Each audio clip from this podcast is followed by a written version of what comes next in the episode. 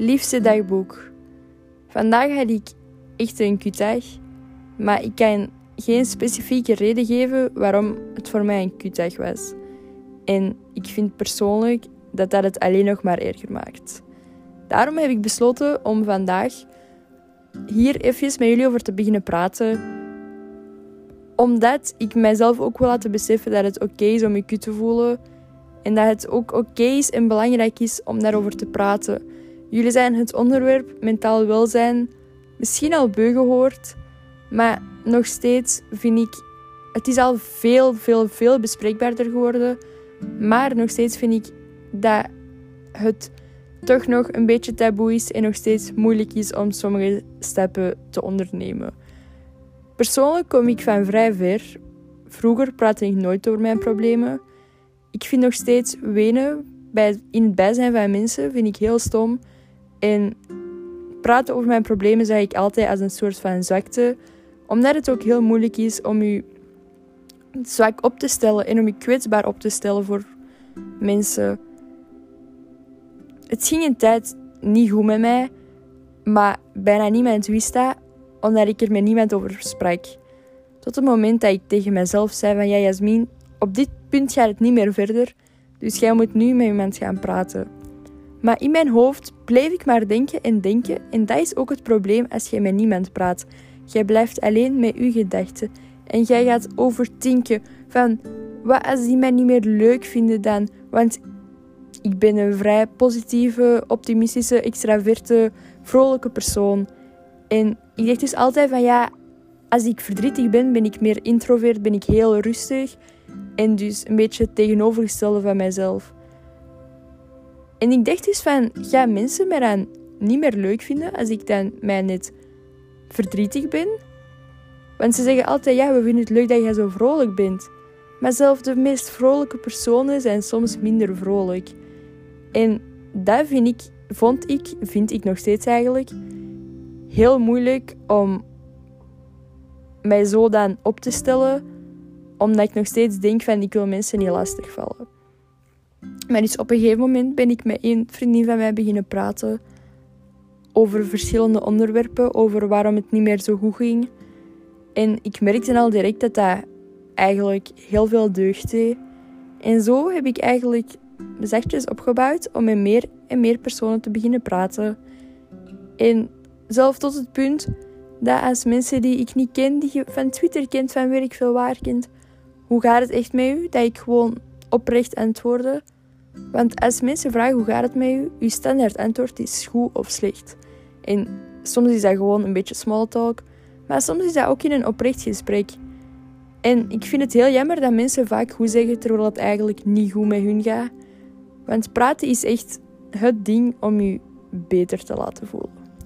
Ook heb ik persoonlijk het gevoel dat mensen heel vaak dus ja, de neiging hebben om hun problemen alleen alleen met hun problemen om te gaan. En dus als ze anderen zien, een soort van masker op te zetten. Om andere mensen er niet mee lastig te vallen. Die deed ik zelf persoonlijk ook. Nog steeds vind ik het moeilijk. Maar dat, is ook, dat hangt ook samen met omdat ik gewoon positief wil zijn en niet wil zagen. Omdat voor de samenleving en in andere mensen hun ogen heb ik het perfecte leven. Ik mag naar school, ik heb een goede omgeving, ik heb leuke vrienden. Ik heb toch geen recht om mij slecht te voelen. En dat is fucking bullshit. Want iedereen kan zich slecht voelen. En dan is het heel belangrijk om je eigen problemen niet te minimaliseren. Ook, het is niet omdat iemand anders zogezegd andere problemen hebt, dat jij je problemen moet minimaliseren of dat je problemen niet belangrijk zijn. En dat is ook nog een grote valkuil waar, waar heel veel mensen in lopen.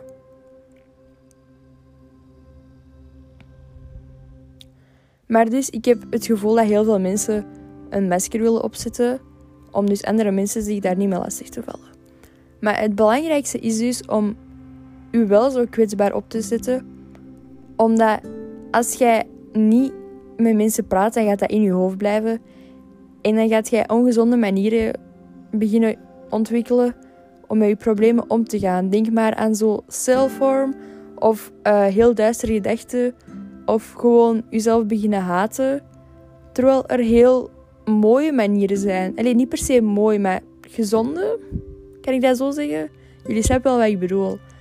Zoals bijvoorbeeld iets opschrijven of met mensen gaan praten of een podcast maken zoals ik nu aan het doen ben. En dus, ik vind dat heel moeilijk omdat ik gewoon het gevoel heb alsof ik het recht niet heb om te zagen.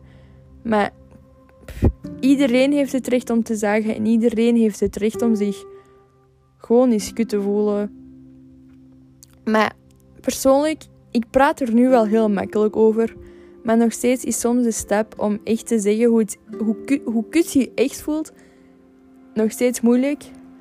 Omdat mensen hebben nog steeds wel vaak de neiging om te zeggen: Ah ja, maar het komt wel goed, het komt wel goed.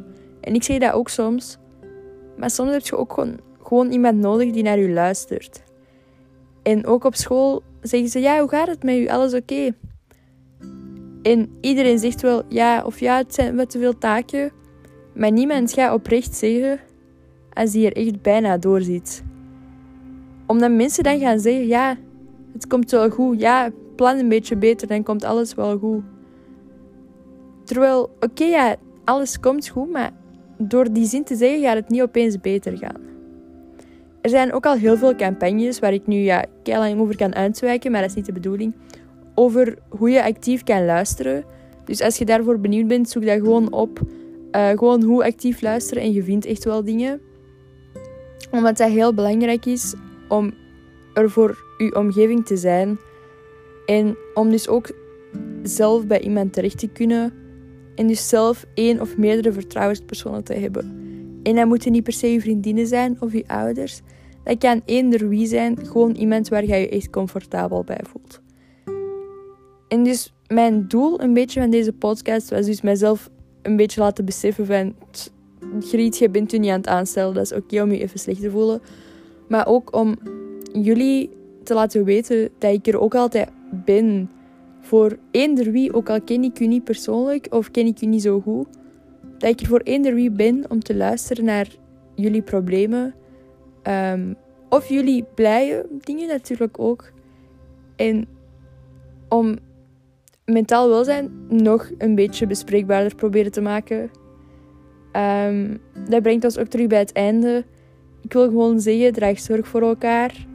Want dat is heel belangrijk. En draag ook vooral zorg voor jezelf.